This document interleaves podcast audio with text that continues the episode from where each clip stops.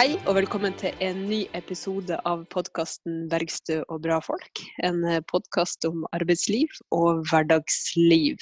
Kirsti Bergstø heter jeg, nestleder i SV, og med meg har jeg Ingrid Bergland. Jeg er forlagssjef i forlaget Manifest. Veldig godt å høre stemmen din, Ingrid. Ja. Og så eh, har vi også en gjest eh, som heter Ingrid. Eh, Ingrid Evertsen, eh, som eh, er med oss fra yttersida av Senja. Og som er kystfiskerkone, som er aktivist, frilanser. Eh, ei dame som har stått på barrikadene eh, hele sitt liv. Eh, velkommen som gjest, eh, Ingrid. Tusen, tusen takk. Så stas å få være sammen med dere i dag. Ja, lamme på avstand, som det heter nå om dagen. Ja, det er jo den måten vi er lamme hverandre på nå. Vi er jo ganske vant til det, eh, som bor, eh, bor i litt eh, ja, i, i distriktene i distriktet, kan man vel kanskje si. Absolutt. Jeg, jeg, rent personlig så har ikke jeg merka noe til denne koronaen. Jeg lever stilt og fredelig sammen med, sammen med måsen og kjellen og katten mine og gjør mine ting. Så det er jo, det er jo egentlig Altså, det er jo min normale hverdag. Mm. Så Det er verden rundt som koro- har endra seg. Ja, det er alt rundt meg. Det er alt eh, rundt. Det har kanskje ikke vært så mye Har det vært mye sånn. korona på siden, eller? Eh, ja, det har vel vært noen tilfeller. Eh, men det var snakk om Jeg vet ikke hvor mange som eh, var smitta. Det var vel noen som var fare for å skulle være smitta. Men nei da, det går fint. Jeg føler meg trygg. Og, men jeg er veldig nøye. Jeg tar alle forhåndsregler. Jeg gjør som myndighetene ber meg om nesten alt. Nesten alt, ikke riktig alt. Men uh, Jeg jeg må- gjør Jeg må- Ja, unnskyld. Jeg må bare, som det ble sagt her, så sitter vi jo virkelig på, på hver vår kant her. Men uh, bare for å si, Ingrid, at eh, da vi starta opp denne podkasten for et år siden, så, så var du en av de første som vi snakket om å ha med. Men eh, vi hadde jo ikke peiling i sånn teknologisk og sånn, og gjorde vel litt undersøkelser. Men, men det måtte liksom en pandemi til for at vi skulle Ja. kunne ta dette her. Ja, ja, så bra! Så vi så vi takker koronaen for at vi endelig møtes. Ja, ikke sant. Det skulle en korona til før jeg ble med. Nei, men det, det er flott, jente. Det er veldig flott å få være med. Veldig hyggelig. Mm. Og dere er jo spenstige damer. Altså, og Kirsti har jeg jo truffet ved flere anledninger, og hun er jo som nesegurus beundrer av hun. Og når hun er på talerstolen, det er de gangene jeg bestemmer meg for å, å slutte å prate og aldri si noe. For jeg syns hun er så dyktig, og det skal du ha. Det skal Det- det var- du virkelig ha. Det var veldig, veldig fint sagt. Eh, Tusen, tusen takk for det. Men eh, jeg tenker at vi må bare eh, kanskje la dem som hører på, få bli litt bedre kjent med deg. Eh, Evertsen, som jeg må kalle deg nå, siden vi har Ingrid ganger to. I, ja, Ja, ja. kan ikke du fortelle litt om deg sjøl først? Nei, altså, jeg er ei helt vanlig kystkjerring fra Nord-Norge. Jeg er født og oppvokst i Tromsø og har bodd der strengt tatt nesten hele mitt liv. Men så fant vi ut her, jeg og den gang da kjæresten min, at vi skulle flytte ut. Han er fisker. Og eh, med mitt frilanseri så kunne jeg strengt tatt bare bo uansett. Men han var jo da den vi måtte ta hensyn til, å bo nært havet, nært levering av fisk. Så da kjøpte vi oss et hus her ute på Medfjord, i Medfjordvær. Berg, den gang da Berg kommune, som nå er blitt storkommunen Senja. Og her har vi hatt det bra. Eh, og ja, det er jo stille og rolig. Jeg husker når jeg flytta hit, første morgenen jeg våkna, så var jeg overbevist om at jeg var død. For det var ingen lyder. Jeg tenkte ja ja, nå er det gått over. Du er over i en helt annen verden. Men jeg var jo ikke død. Så nå er jeg så vant til holdt på å si, å være død at nå er jeg så sliten av å overnatte i byen at jeg tror jeg får hele verden i hodet når jeg hører alle de bilene og lydene og bussene og boring og roping og skriking. Så ja, det er godt å bo fredelig, men jeg må bare si, og det er kanskje veldig stygt å si det i disse miljøtider, men jeg kan kjenne at jeg får et akutt behov for eksos og svevestøv, og da må jeg bare hoppe i kalosjene og dra til byen med en eneste gang.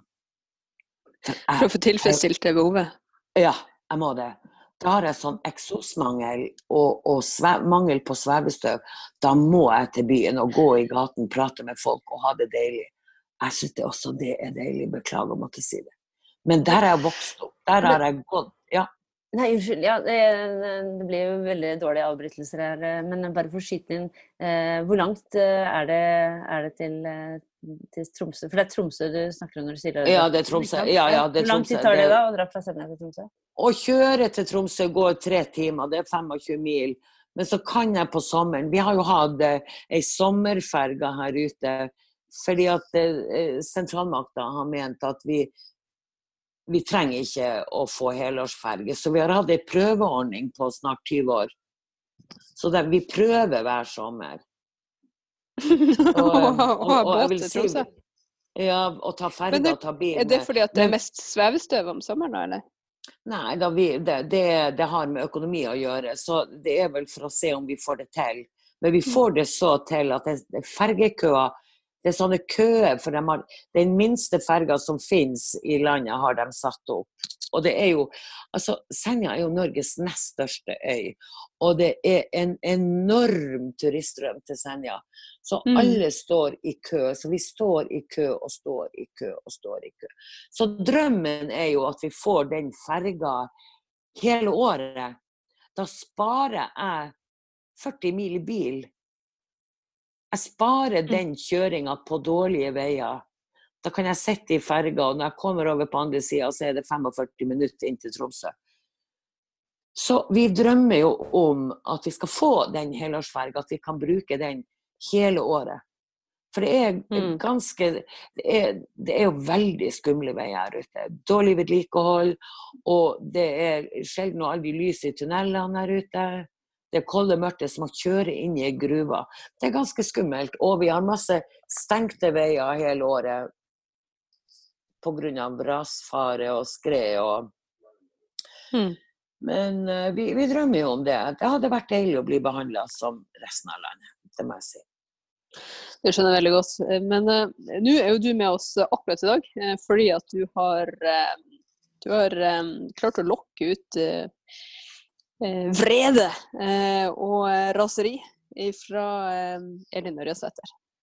hun er ikke med oss i dag, så, så hun har jo men har jo, hun har jo skapt stor debatt i både nord og i riksmedia, som det heter. fordi at hun har hissa seg sånn opp over nordlendinger, og spesielt over et, et innlegg du hadde på Eh, på, eh, på Facebook. Ja. Eh, Wergeland, har du lest de her innleggene? Ja, jeg har lest innleggene, men, men jeg ja. mener at jeg gikk rett, rett i, i, i avisspaltene. Altså, jeg leste ikke det opprinnelige Facebook-innlegget, så kanskje du kan si hva som sto der først, Ingrid? Ja, det som sto der, det Altså jeg, jeg, jeg, må jo si eh, Det var jo kanskje knallhardt det som sto der. Men du vet, plutselig så tar det overhånd. Og altså, jeg skrev rett ut. Jeg skrev en del ting, for jeg er jo veldig opptatt av fiskeripolitikk. Og den er jo så dårlig behandla. Det, det, det, er jo så grusomt. Altså, det er jo et ran som holder på å fullføres langs kysten. Vi har veldig mange ting å tenke på. Men hjertene til de nordlendingene jeg snakker for, innbiller jeg meg, er jo så full av uh, av ting vi ønsker å si høyt. Men jeg endte jo opp med å avslutte den Facebook-tråden med å si at jeg hæres ikke søringa. Og det har jo hun Det fikk jo hun til å gå over eh, Ja, hun ble sint for det. Jeg kan jo til dels skjønne det. Det var jo en, en veldig voldsom eh, uttalelse.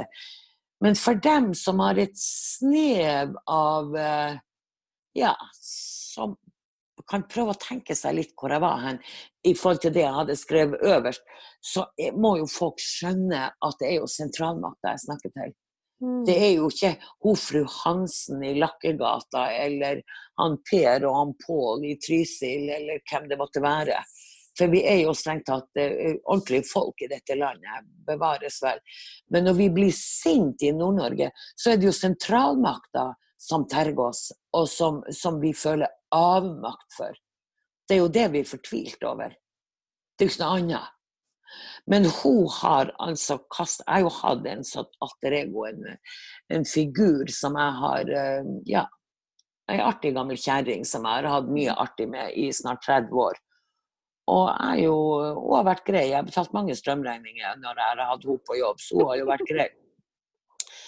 Men hun bare hoppa over meg og, og, sa at det var liksom de her, de her figurene fra Oluf Ralkatlia og fra Rorbua, de er ikke karikaturer. De er i levende live i Nord-Norge og er mindre, og skrev at vi var mindre intelligente og at vi Ja, vi hadde ikke samme vett og forstand for, som resten av Norge. Og det er ganske tøft. Det, det er jo sterkt. Men samtidig så var det jo strålende. For når man skal bli hørt, hva gjør man da? Jo, da setter man ting på spissen. Og jaggu ble jeg hørt. Dette mennesket, denne, denne Ørjasæter, som jeg overhodet ikke kjenner, det er, ganske, det, det er ganske spennende å se når kjerringer såpass opp i årene tar fyr. For da skjer det noe. Så det var deilig. Hun tok helt fyr og var akkurat så usaklig som eh, det, bare, det kan man jo bare drømme om. Så hun eh, Ja. Nei, for jeg leste innlegget hun, hun svarte til, til, deg, da, og det var jo springende og mye. Det, hun gikk jo løs på alt mulig rart av uh, søringkarantene og, og, ditt og datt, mens, mens du, du, da egentlig startet ut med, med kritikk av fiskeripolitikken. Ja, skrev, det, det, er jo det som er, ligger mitt hjerte nærmest. Og hadde hun Tenk hvis hun hadde kunnet brukt den temperaturen som hun viser seg å ha, på fiskeripolitikk. Det hadde jo vært helt fantastisk. Da hadde vi sluppet å se at torskekvoter er rana fra oss, at fiskebruk er lagt ned, og at folk ikke har arbeid. At, eh, da hadde vi sluppet det, kanskje. Nå må ikke du ta for gitt at Elin Ørresæter eh, er på kystfolkets side i kampen om fiskeriressursene. Um, helt ærlig. Så, eh, så det, er jo ikke gitt um, det er jo ikke gitt at det hadde vært en pågående eh, aksjon til uh, kystopprøret som, uh, neida, neida, det, det som hun hadde kasta kreftene inn i. Men du vet, man har nå lov å drømme. Med så mye fyr i et menneske som hun har, så det hadde vært helt fantastisk. Jeg sa bare tenk om hun kunne brukt noe av den energien på å hjelpe altså, oss og fremsnakke oss i Nord-Norge, og ikke synes det var greit at vi nesten ikke har veier. At vi Altså, vi her jeg bor De har jo fjerna mye busser. De tar bort bussene. Vi har ikke råd av busser. Vi får jo nesten ikke post heller. Men det gjelder jo hele landet. Så de har fjerna Vi har én buss herifra i uka. Ikke sant? Det skal man nesten ikke kunne tro. Men sånn er det.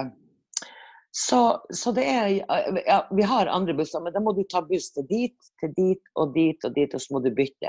Det er ganske tungvint til 20, 20 å holde på å reise sånn som folk gjorde. Sånn holder vi enda på, sånn som folk gjorde med lokalbåten langs kysten. Mm. Det tok vinter og votter fra du gikk om bord til du var fremme. Men, men, men altså Jeg savner en solidaritetsfølelse med, med, med, mange av de tingene. Altså, jeg vokste opp med at det var, at det var et dagsrevyinnslag over at nattoget fra Oslo til Bergen var forsinka. Og det, var, det er vanskelig å forstå det når du da sitter hjemme i Nord-Norge og vet at Hurtigruta skulle ha vært her for fem dager siden. Mm. Da er det forsinka med en halv time, dette toget. Og da står folk nedsnydd på kaien og venter på en båt som aldri kommer pga. uvær, et eventuelt havari eller en feil. Altså uansett. Men det har liksom aldri vært noe. Og jeg høres jo sikkert veldig bitter ut. Men det er ikke bitter å fortelle sin historie. Det har ingenting med bitterhet å gjøre. Det har med realiteter å gjøre. Sånn føler jeg det. Men det er liksom bare å Ja, der oppe i Nord-Norge, der er det nå bare sånn. Der er det nå Mm. bare sånn. Så det er jo derfor jeg må si, det er jo kanskje litt ekkelt for deg, eh, min, min nye venn Wergeland, som jeg aldri har Mm. truffet før. Du kan jo bli litt rystet. Eh, og Kirsti har jeg jo truffet og prata litt med, så hun Ja. Hun vet vel mer hva hun kan forvente seg av meg. Men derfor er det blitt sånn at jeg syns det er artig å lyge til søringene når de kommer til sending. Hva sa du nå? At du skal begynne å lyve? Nei, jeg begynte for mange år siden. Hva, det du- hva lyver du om, da? Jeg lyver om alt de spør meg om. Ok. Jeg traff to østlendinger på ei nydelig strand. Vi kom gående, jeg og mannen min og begge hundene. Og de prata så høyt at den der sjelefreden med å gå på ei strand og høre bølgeskvulp, det gikk nesten ikke an. Det var, det var helt knust. De snakket så høyt og lo så mye. Det er ikke vakkert. Må folk snakke sånn? Altså, jeg bare sier Jeg tenkte, er det mulig? Og så var det en Kjell, en fugl, som sprang fremfor dem, og så stoppet hun ene fremfor meg, så sa hun Er dere herifra? Ja. Hva heter den fuglen der? Jeg er helt glemt. Så sa jeg det er nordnorsk sjørype. Det var det, det var sjørype, ja, sjørype. Og det er jo bare bagateller. Tenk at jeg klarer, for at jeg kan bli så irritert mange ganger. Jeg, jeg, jeg, legger virkelig jobben min i å lyge til østlendingene. Ja, det ser jeg på som en viktig oppgave. Det er veldig, jeg har en mann som er veldig fortvilt over det, og som går hjem. For han er veldig ordentlig. Så han, han er jo veldig fortvilt. Men det får nå så være. Det får bare være. han tok han med seg hundene og dro hjem, når du fortalte henne at Kjellen var i. Nei, men han snur. Jeg blir jo alene, for han snur. Han klarer ikke det der. Han er veldig ordentlig. Veldig ordentlig.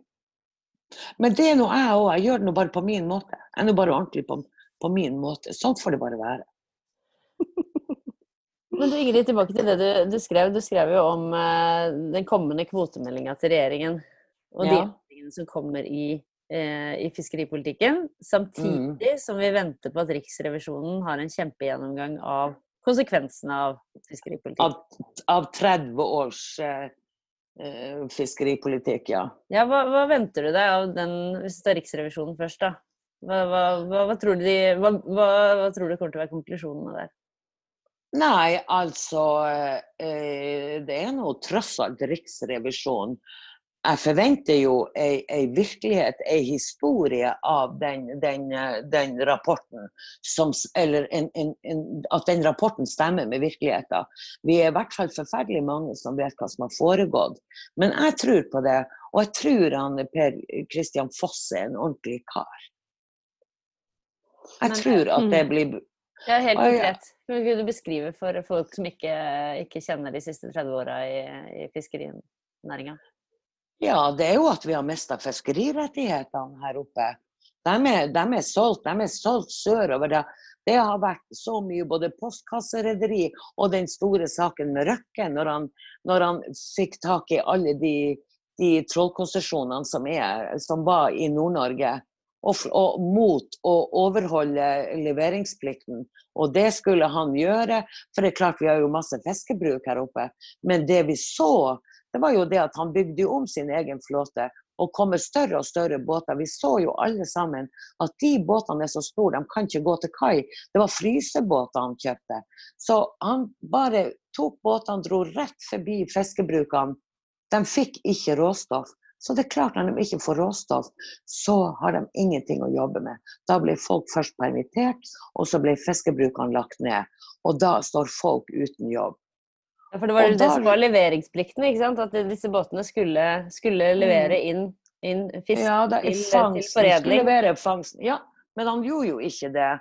Og han lovde jo òg i utgangspunktet at hvis han ikke gjorde det, for hvis han bare fikk disse kvotene, så skulle han vise at jeg skal levere, og jeg skal legge dem De rettighetene dem skal jeg legge på kaia. De skal dere få tilbake hvis jeg ikke overholder pliktene. Han overholdt ikke én plikt. Myndighetene gjorde ingenting. Ingen fikk re- rettighetene fikk han ikke tilbake. Og av det tjente han når han solgte eh, eh, eh, rettighetene sine. Tjente 1,6 milliard. av fellesskapet sin eiendom og stakk rett i, i, i sin egen lomme. Det er ganske trist. Og én ting er at vi har ett menneske som, som, bare gjør det, men at vi har myndigheter, at vi har eh, eh, politikere og myndigheter som lar det skje, det er så trist. Og, og vi er helt nødt å ha det vi skal ha for å overleve. Du fortalte jo at mannen din er fisker. Har du, merker han noe på sin, eh, på sin aktivitet, liksom? Hvordan denne politikken eh, virker igjen? Ja, man merker det jo. Man merker det jo på, på ja, du kan jo si i forhold til strukturering og alt det her som hele tida forandrer seg. ja, det, akkurat det må du forklare det ordet, for det, jeg, det er litt sånn uh, stammespråk. Men, men han, han, har, eh, han, er faktisk deleier i et rederi, men han er ikke der sjøl. Han, en, han, er skipper på en sjark, så de har det nå for så vidt veldig greit. De har det jo greit å fiske og har sine rettigheter, og heldigvis for det. Men ellers så folk merker jo det ja, i forhold til overfor overfør altså, Og det er jo prisene på disse båtene. Prisene på rettighetene. Det gjør jo fordi at når de får lov å strukturere, dem som har penger, så kjøper de rettigheter fra andre båter og setter på sine egne store båter. Og de har jo penger til det. Så er det rift om å få tak i disse rettighetene. Så det er klart at etterspørsel og pris, det vet man jo sjøl hva det betyr. Så en vanlig mann i gata har omtrent ikke råd å kjøpe seg fiskerettigheter. Og det er du nødt til å ha for å være på havet. I tillegg så er det veldig alvorlig i forhold til rekrutteringa. Det er ingen ungdommer som har råd å kjøpe fiskerirettigheter. Det blir en pengegalopp i dette som er helt hinsides. Hva vil det koste da, hvis, hvis eh, man er en ung eh, fisker som har lyst til å sette i gang og fiske litt uh, for seg selv? Hva det vil koste for en ung mann å kjøpe en båt med en fiskerirettighet? Eller kvinne. Ja, eller kvinne. Ja. Kanskje på billigste måte en åtte millioner. Hva sa du? Kanskje en, en på en eh, ja, ikke en topp. Hvis du kjøper deg en gammel båt at du Ja. Så med og ei kvote, så du, må du ut med en åtte millioner. Hvis man skal starte med åtte millioner, faktisk? Ja, det er mye penger. Er du ikke enig i det? Og det, det, er jo, det, det blir en pengegalopp her. Og det er liksom kvotebaronene, dem som har penger, som kan kjøpe. Mm. Og det er jo dem som har store båter, og som, og som får godt med fisk. og ja, nei, det der er det, det, det, er veldig vanskelig for veldig mange. Mm. Og så merker man det veldig godt på samfunnsnivå. ikke sant? Det er jo kystsamfunnene som sitter igjen uten retten til å fiske. Eh, og uten eh, levende eh, fiskeriaktivitet eh, mange plasser. Ja, det er jo det som er risikoen, at det endrer jo hele samfunnet. Ja, sånn som her ute, jo, her ute som jeg bor, så var det jo en som var framsynt i Senjaåpen, det bygda ved siden av. Han bygde opp et kjempesvært fiskeri. Og han ordna og styrte, og det ble butikk. altså Det ble et levende samfunn. det eh, skole, For folk skal jo leve rundt disse fiskebrukene. Folk skal jo ha familier, folk skal ha ungene sine her. og så det, det er jo så mye som resulterer, eh, resulterer i at, at, det går bra for folk på havet når du bor eh, langs kysten i nord. Det, det, er veldig viktig, altså. Og det er jo det vi kjemper for. Og det, og det som er med folk, hva er det? Det er jo folk De ønsker jo bare å kunne klare seg. Ha sine hus, betale sine regninger, ha tak over hodet og, og ha mat, og at ungene går skole og får utdanning, og at man kan leve gode liv. Det er jo det som er drømmen, altså, til de fleste av oss. Det er jo å leve vanlige liv. Men når du ikke har jobb, så kan du jo ikke det. Da, da er det vanskelig. Så mm. det med fiskeri er alfa og omega i Nord-Norge.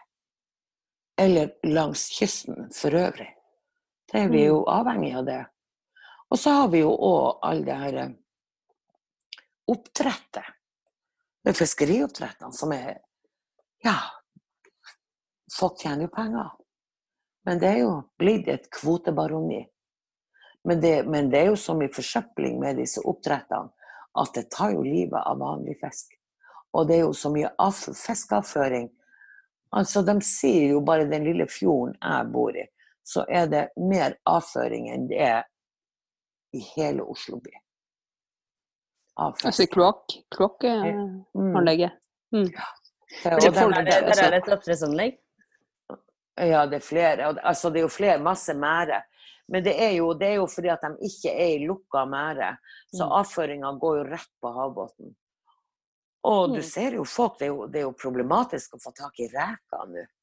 Reker dør jo. Vi, mm. det er ikke, ikke lenge før vi får bare få tak i eh, Varangerreker. Og vi har jo hatt Lyngenreka bestandig i Troms. Varangerreka er veldig god, da. Ja, vet du, det vet jeg. Den har jeg spist. Den er nydelig. Nei, men altså, det er jo konsekvensene av og, og, og at, at uh, ting dør i havet. Av uh, all den her uh, alle kjemikaliene og ja, lusemiddel og Så det, det, det er mange ting. Det er mange ting. Det er mye alvor i dag langs kysten, altså. Men det, det, det, der, det har ikke noe med ja, selve kvotemeldinga å gjøre. Men det er mange ting å tenke på når du bor her ute. For det er jo, det er jo storkapitalen som rår. Overalt. Det er jo bare pengene. Det er bare pengene som rår. Så det, og det, det er, vi ser jo resultatet, ikke bare i nord, men overalt i verden. Så ser vi jo resultatet av det. Så eh, sånn er det. Men det er i hvert fall mange ting å tenke på. Man, man trenger ikke å, man trenger ikke å slå på radioen om morgenen for å få noe å tenke på. Det henger igjen fra dagen etter. Det kan jeg love. Du var jo aktiv i EU-kampen. Eh, så når vi snakker om storkapitalen og hvor, hvem som skal bestemme over ressursene og, eh, og lokalsamfunnene Eh, og med tanke på at du har vært på, på barrikadene eh, hele, hele, ditt liv. Hvilke eh, tanker gjør du deg om, om, om, om den kampen nå? Nei, altså den er jo hele tida Den, den der EU-kamp Altså EU, det, det, det, lurer jo hele tida rundt Uansett hvor du er altså her, så, så lurer altså det, det, er et spøkelse som vi aldri må, må, må, må Vi må aldri slutte å tenke på det. Vi må hele tida være klar på å si nei. Altså, vi, det, det, er skummelt. Og jeg ser jo bare den EØS-avtalen vi har, det er jo grusom. Det skulle vi jo også kommet oss ut ifra. Så eh, jeg har jo eh, en kjempestor vimpel ned til EU som jeg har i flaggstanga mi. Den henger der alltid? Nei, ikke på vinteren. Da blir han ødelagt av storm og kuling. Så den er jeg bare nødt til å ta ned. Men jeg har den jo om sommeren. Og da, det kommer folk hjem til meg og tar bilde av den. Folk kommer og stopper og blir nysgjerrig. Men jeg syns det er så viktig å tone flagg. Og minne folk om hallo, vi sier enda nei til EU, selv om det ikke er noen som spør oss akkurat i dag. For morgendagen er det ingen som vet noe av. Og det er stadig noen som absolutt vil inn i EU hver dag. Og det må vi altså passe på. Og fiskeriene ligger farlig nok til om vi ikke skal komme inn i EU. Mm. Nei. Nei, det er mange ting. Vi har mange ting å tenke på. Men vi skal jo egentlig alle være litt samfunnsbevisst. Jeg liker godt at folk Vi har jo ulike ting som interesserer oss, men at vi har noe som interesserer oss, som ikke bare angår en sjøl. At, at, man er bevisst. Det skjer noe utenfor ens eget hode, utenfor ens eget hus. At vi, at vi må tenke. Vi må tenke. Vi, altså, ordet solidaritet det er viktigere for meg enn en fader vår er. Altså. Det er solidaritet det handler om. Mm. Det å være i lag og det å ivareta og det å, det å dele. Mm. Ja.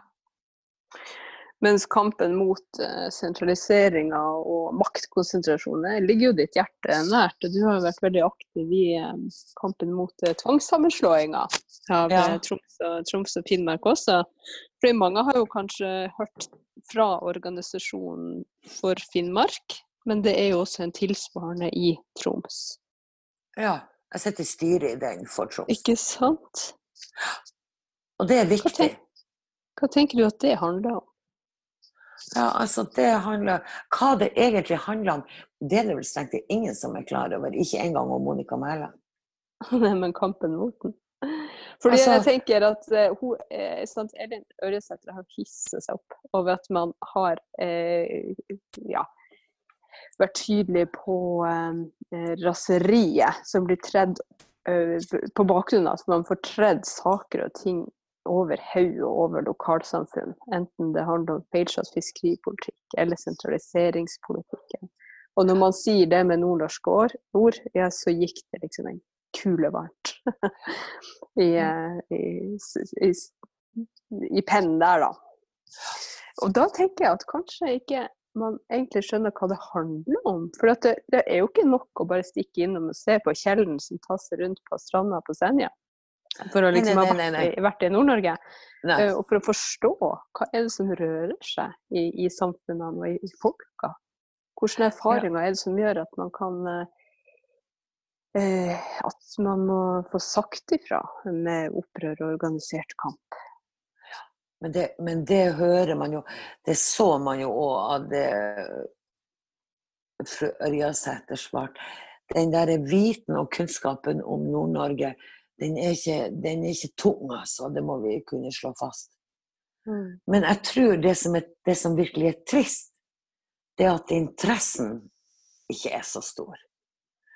For det er liksom der oppe i nord, der holder de på med et eller annet. Men i, også i den derre kampen eh, eh, Troms og Finnmark Det som, det som jeg syntes var grusomt, det var at de, at de ikke brydde seg om folkeavstemninga som var gjort i Finnmark. 87 mm. av dem som hadde stemt, sa nei. Men man, man estimerte det ikke.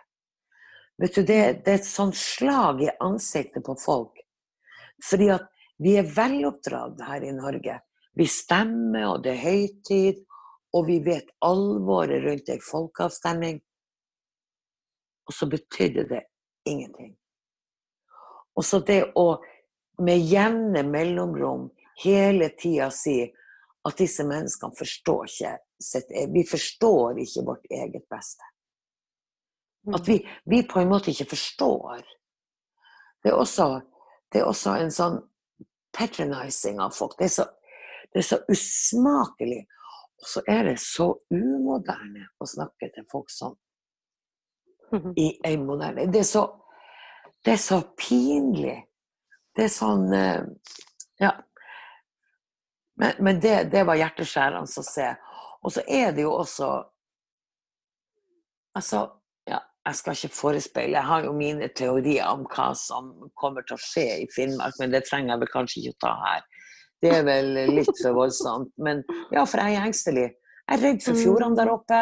For mm. der er det fjorder som ikke har eh, Som oppdrettsnæringa ikke har eh, angrepet. Og jeg, jeg er redd for verdiene oppe i Finnmark. Jeg er redd mm. for det er et fylke som er full av så mye verdier. Og det, det engster meg. Det mm. engster meg. Jeg er engstelig for det. Så du, du, frykter at det er store selskaper som kommer til å ta over? Eh, store verdier altså, som bør være under folkets kontroll? Ja, absolutt. Absolutt. Slik som Finnmark har tatt seg av sine verdier fra tidens morgen. Slik burde det være. For finnmarkingen vet hva, hva, hva, verdier som er der oppe. Og de klarer godt å skjøtte det. Så jeg syns det er en sånn måte å, behandle folk på. Jeg er rystet over det. Men det var jo òg veldig spesielt. For den våte drømmen var jo at de tre nordligste fylkene skulle slås sammen. Det var jo den våte mm. drømmen. Og mm. i Troms, så, hvor man satt i midten, så spør man da Nordland vil dere være med? Nei takk, alt i orden, svarer Troms. Så snur man seg nordover og spør Finnmark vil dere være med. Nei, tusen takk, svarer de i Finnmark. Men det ga Troms seg svart med. Og så ble jobben satt i gang. Det er trist. Det, det er så lite respekt for folket i nord. Aller nordst i land er det øverste. Og så er det jo òg, når du da ser så skjer det her med de ambulanseflyene. Så kommer liksom avstandene, hvor stort Finnmark er, ble vist på kartet tusen ganger. Da skjønte plutselig noen at Finnmark er stort. Det er ikke bare å kjøre i Finnmark, det tar dagevis. Jeg skulle kjøre til Auster Tana sommeren for to år siden. Ja, jeg kjørte den veien jeg var anvist, og det var letteste vei. På veien oppover dit så var jeg to ganger i Finland. Det er bare for å skjønne hvor langt det er. To ganger i løpet av, løpet av oppoverturen var jeg i Finland. Mm. Så det sier noe om Og det var den letteste veien. Mm.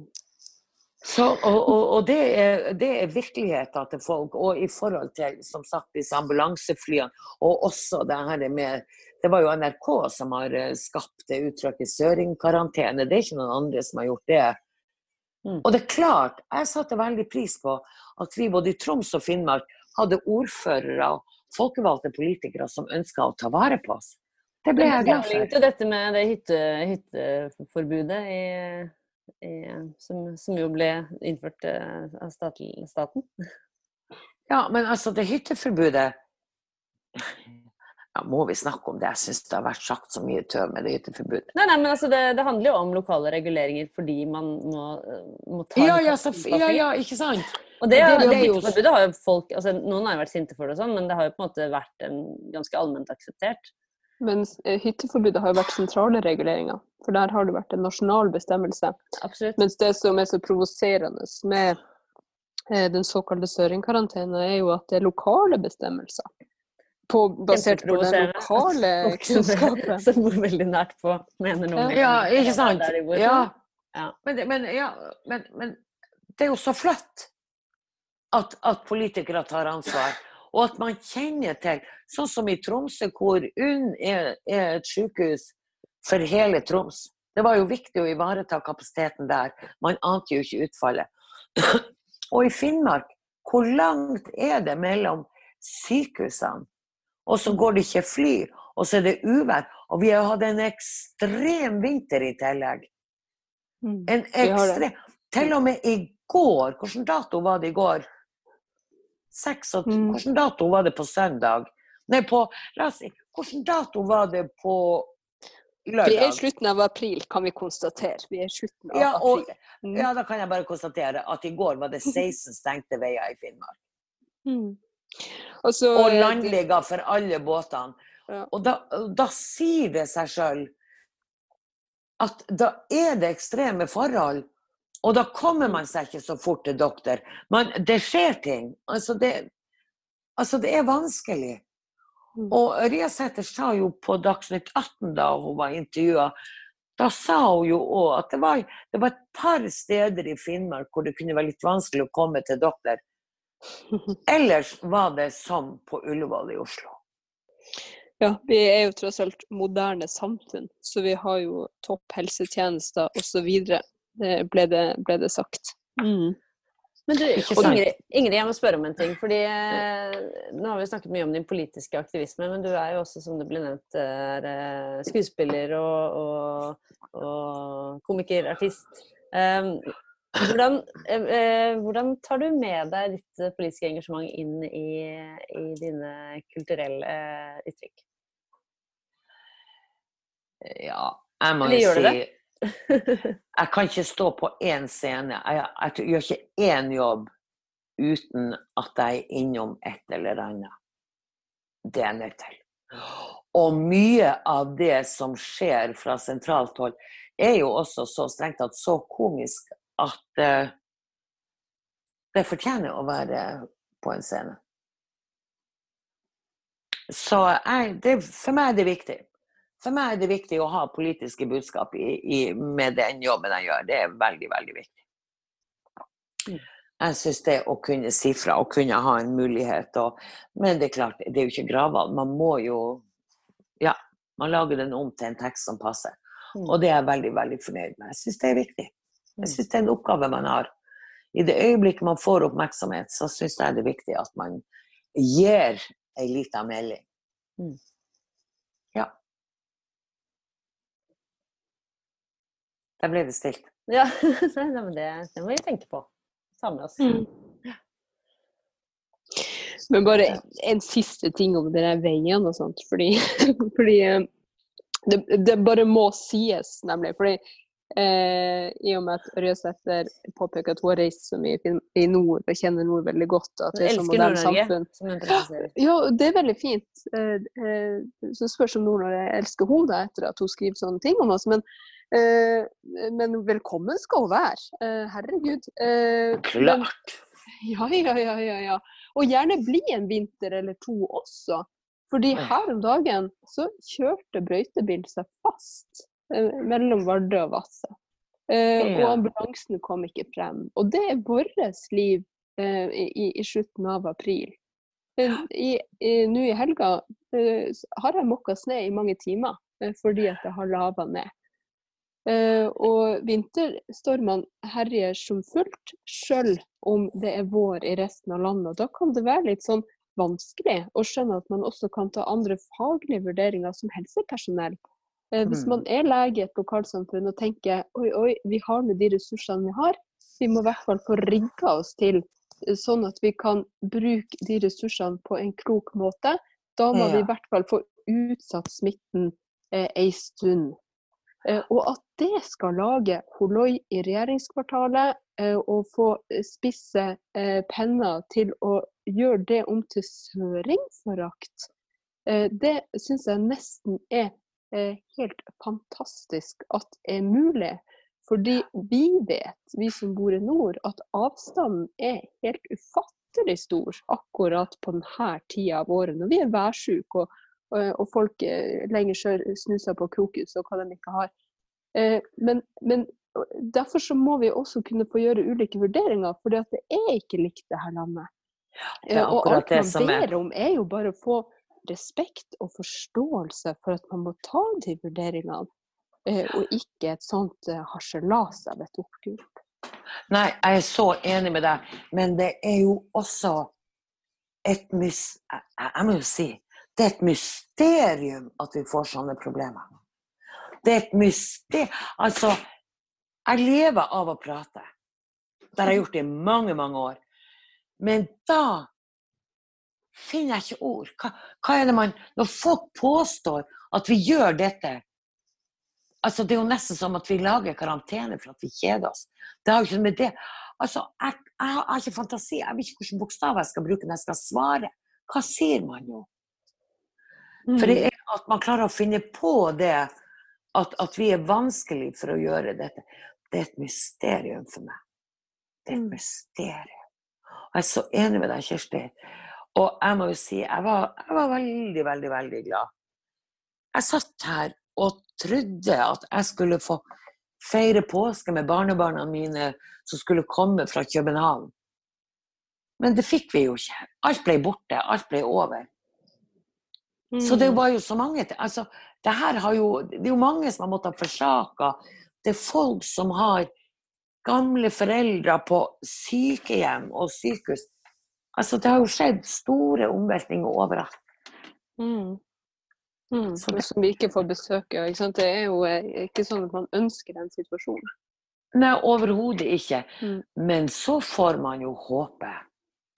For det, det heter jo så fint 'ingenting er så galt at det ikke er godt for noe'. Så er det jo bare å drømme om at når dette har lagt seg, at det er noen som har fått litt andre verdier i livet. At, at det å leve og det å være frisk og det å være sammen og bare det å kunne gi en klem, at det på en måte blir rikdommen vår. Mhm. Jeg ønsker det. Jeg ønsker det. Det syns jeg var vakre ord. Evertsen. Fru Evertsen! Du sa jo fru Ørjasæter var ditt eh, motinnlegg. Ja. Men du, eh, Ja. du har jo ikke alltid eh, det kan jeg ikke si at du ikke alltid har vært eh, frilanser. Det kan jeg kanskje si, at du ikke alltid har vært frilanser. Poenget mitt er at eh, de aller fleste starter jo et sted. Vi har et fast spørsmål i denne podkasten til alle våre gjester. ja. Og det er rett og slett Hva var din aller første jobb? Min aller første jobb, ja det tror jeg var når jeg fikk i oppdrag om å, å plante gran. Norge har jo holdt på, Nord-Norge har jo holdt på med noe. Det er jo sånne, hvis man ser seg rundt, så er det sånne plantefelt av gran som egentlig ikke hører hjemme i landsdelen. Men det har nå vært planta noe plantefelt av gran. Og jeg var satt til å delta på sånn skogplanting. Det var onkelen min som dirigerte det der, og jeg skulle kanskje få 16 øre per granplante. Det var helt grusomt. Det var, en, det var varme dager. Og det var så mye insekter at jeg holdt på å bli sprø. Mm. Da var jeg i skogen og planta gran. Men det var så grus. Jeg kan se restene etter min første jobb enda når jeg er oppe i de feltene. For det er noen grusomme grantrær. For jeg, jeg trøska 12 og 15 i samme høle og ble fort ferdig og kom meg ned. Og fikk betalinga. Og det er noen, det er noen, noen mestfoster av noen grantrær som står i et ganske stort felt. Men jeg syns det er festlig, for de vet at de har epler. Men det er utafor Tromsø, da, eller? Eh, ja. Men Det er utenfor Tromsø. Jeg skjønner ikke, skjønner ikke hvorfor, hvorfor ble de plantet? Var det til Var det, var det julegran planting, liksom? Eller skulle man ha skog der, eller hva var Ja, man skulle ha skog, og ja, så har nå noe blitt, blitt til juletre. Jeg aner ikke, men det, det er jo noen som sier at det skal ikke være gran. Eh, grana vokser ikke nord for Rana, er det noe som heter. De er i hvert fall slutta å plante sånne felt, altså. Men det er mange av dem i Nord-Norge. Og noen har planta dem, men det feltet jeg planta, det er på en måte ikke mye med på julekortene. Det kan jeg bare si. Det kan jeg bare si. Det er nydelig. Så vi bare kan konkludere med at du tidlig satt spor, eh, Ingrid Evertsen. Det Ja, er ja, det kan du si. Sporene er enda. Ja. Mm, sporene, sporene er der. ja men dere, så hyggelig at jeg fikk være med. Dette var Er vi av alt? Jeg tenkte gud, nei, går det så fort? Det var veldig kjekt å, å, snakke med deg, Ingrid. Ingrid. Det var veldig Jeg artig at jeg jeg fikk håper- være med. Håper jeg får Ja. møte deg en dag også, på, på ekte. En dag, ja, en dag jeg er på vei i området. Ja. Veldig hyggelig Mm. hadde det vært. Tusen takk for meg. Tusen takk til deg. Tusen takk til deg som hørte på. Vi håper du fortsetter med det. Eh, og så eh, må vi nesten si eh, ikke tusen takk til Helene Røsæter, men eh, vi kan jo si, eh, eh, si tusen takk til alle som bidrar til å sette skapet på plass eh, i eh, spalte, eh, spaltene eh, som finnes. Fordi det trengs virkelig, også i disse dager. Ha en nydelig dag videre.